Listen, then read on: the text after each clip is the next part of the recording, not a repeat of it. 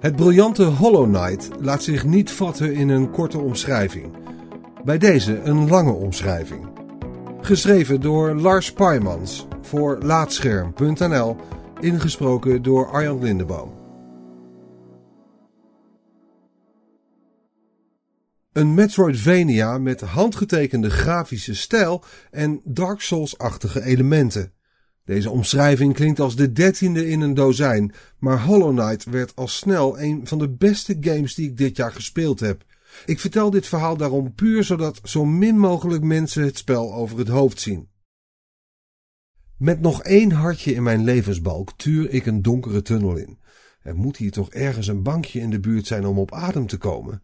De kaarten bijpakken heeft geen zin, daarvoor moet ik eerst de kaartenmaker vinden. Ik weeg mijn opties af. Teruggaan in de hoop dat ik alle obstakels nogmaals overwin, of doorzetten en mijn kostbare zak met Gio riskeren. Ik zet een stap voorwaarts, maak een sprong en de vloer begint te trillen. Net te laat zie ik een val met stekels verschijnen waar mijn voeten eerst stonden. Een dodelijke val later word ik wakker op het bankje waar ik een half uur geleden ging zitten, zonder geld en terug bij af. In mijn inmiddels 25 uur durende avontuur in Hollow Knight hou ik regelmatig mijn controle met klamme handjes vast. Op die momenten heb ik geen idee waar ik ben, hoe ver ik nog moet gaan en wat me te wachten staat. Dit soort momenten dringen zich continu aan je op. Het zijn situaties die niet geregisseerd zijn, maar wel perfect passen bij de sombere wereld van Hello Nest. Als geen ander spel geeft Hollow Knight je het gevoel dat je een piepklein wezentje bent in een levensgevaarlijke wereld. Toch krijgt de game het voor elkaar om die deprimerende setting zo uitnodigend te maken dat je ieder hoekje en gaatje van de kaart wilt ontdekken. En dat is hard nodig, want als kleine kever met een cape en naald als zwaard gooit Hollow Knight je in het diepe. Het avontuur begint nog relatief lineair, maar al snel splitsen de beschikbare paden zich op. Hoewel ik Hollow Knight tegelijk met andere laatschermredacteuren startte, verkenden we allemaal op een andere manier het complexe doolhof van deze wereld. Dat spelers de vrijheid krijgen om hun eigen pad te kiezen, roepen ontwikkelaars al langer, maar Hollow Knight gaat hierin een stap verder. Het grote verschil is dat ontwikkelaar Team Cherry niet te bang is om enorme stukken van de spelwereld optioneel te maken. Sterker nog, de kans is heel groot dat je tijdens je eerste avontuur niet alles gaat zien wat de donkere krochten van Hello Nest te bieden hebben. Complete omgevingen, voorwerpen, eindbazen en belangrijke stukken die de puzzel van het verhaal invullen kunnen, bewust dan wel onbewust, worden overgeslagen. Zo daagt Hollow Knight iedere speler uit om verder te kijken dan zijn of haar neus lang is. Je weet immers nooit of achter die nepmuur slechts een kistje op je wacht of een compleet nieuwe zone. Door deze overdaad aan optionele en niet-optionele content puilt de wereld van Hello Nest uit van dingen om te doen. Bewoners vragen om hulp, je loopt memorabele personages tegen het lijf en probeert ondertussen een beeld te krijgen van het achterliggende verhaal. Dit doe je door teksten op de muur te lezen, gesprekken te voeren en vooral zelf goed rond te kijken. Zo wordt er nergens uitgelegd waarom het in de ondergrondse City of Tears continu regent, tot je ontdekt dat deze stad gebouwd is onder een enorm ondergronds meer. Op deze manieren zit de wereld in elkaar vervlochten en krijg je al snel in de gaten hoe je zonder op de kaart te kijken van punt A naar B komt. Om te voorkomen dat je per ongeluk de helft van de wereld overslaat, zijn er wel wat slimme manieren waarop de game je uitnodigt om verder te kijken. Zo krijg je niet zomaar een kaart van de omgeving, maar moet je in ieder nieuw gebied eerst op zoek naar de kaartenmaker. Deze vrolijk mompelende kever geeft je een kaart van het gebied met alleen de delen die hij zelf ontdekt heeft.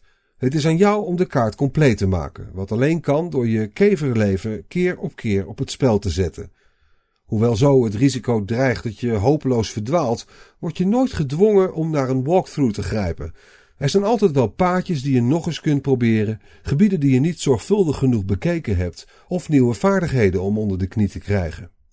Leg je tijdens deze zoektocht het loodje, dan zul je een weg terug naar je lijk moeten vechten om al je Geo, de valuta van Hello Nest, terug te krijgen. Lukt dit niet, dan verlies je het geld dat je op dat moment op zak hebt.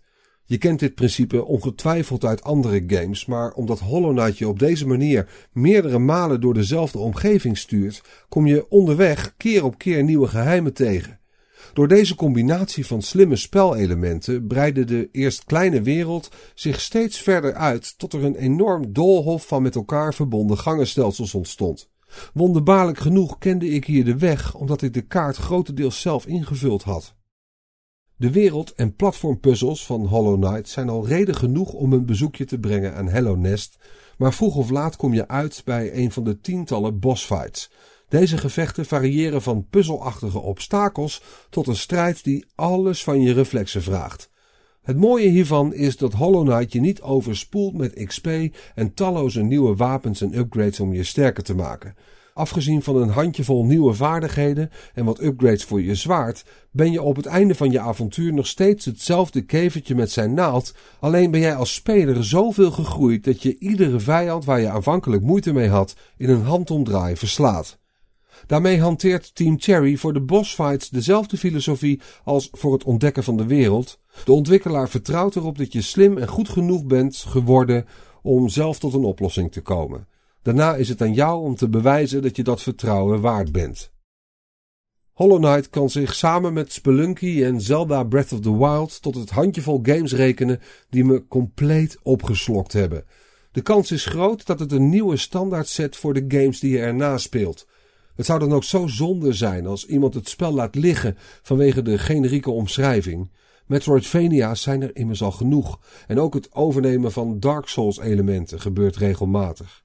Wat Hollow Knight zo briljant en bijzonder maakt, laat zich dan ook niet vatten in een korte omschrijving in de e-shop. Zelfs in deze lange omschrijving zijn er nog zoveel dingen die ik niet heb verteld. Dat kan ook niet anders, want ook ik heb nog lang niet alles gezien.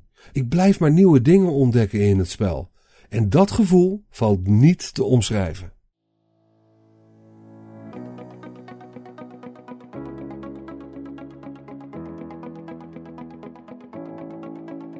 Dankjewel voor het luisteren naar deze aflevering van Laatscherm voorgelezen. Als je waardeert wat we hier doen, dan zouden we het leuk vinden als je iemand anders vertelt over laatscherm.nl of een van onze verhalen deelt op social media.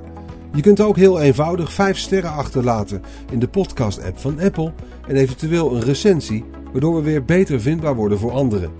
Luister ook naar onze andere podcast, Praatscherm, en ga voor meer verhalen, geschreven of gesproken, naar laatscherm.nl.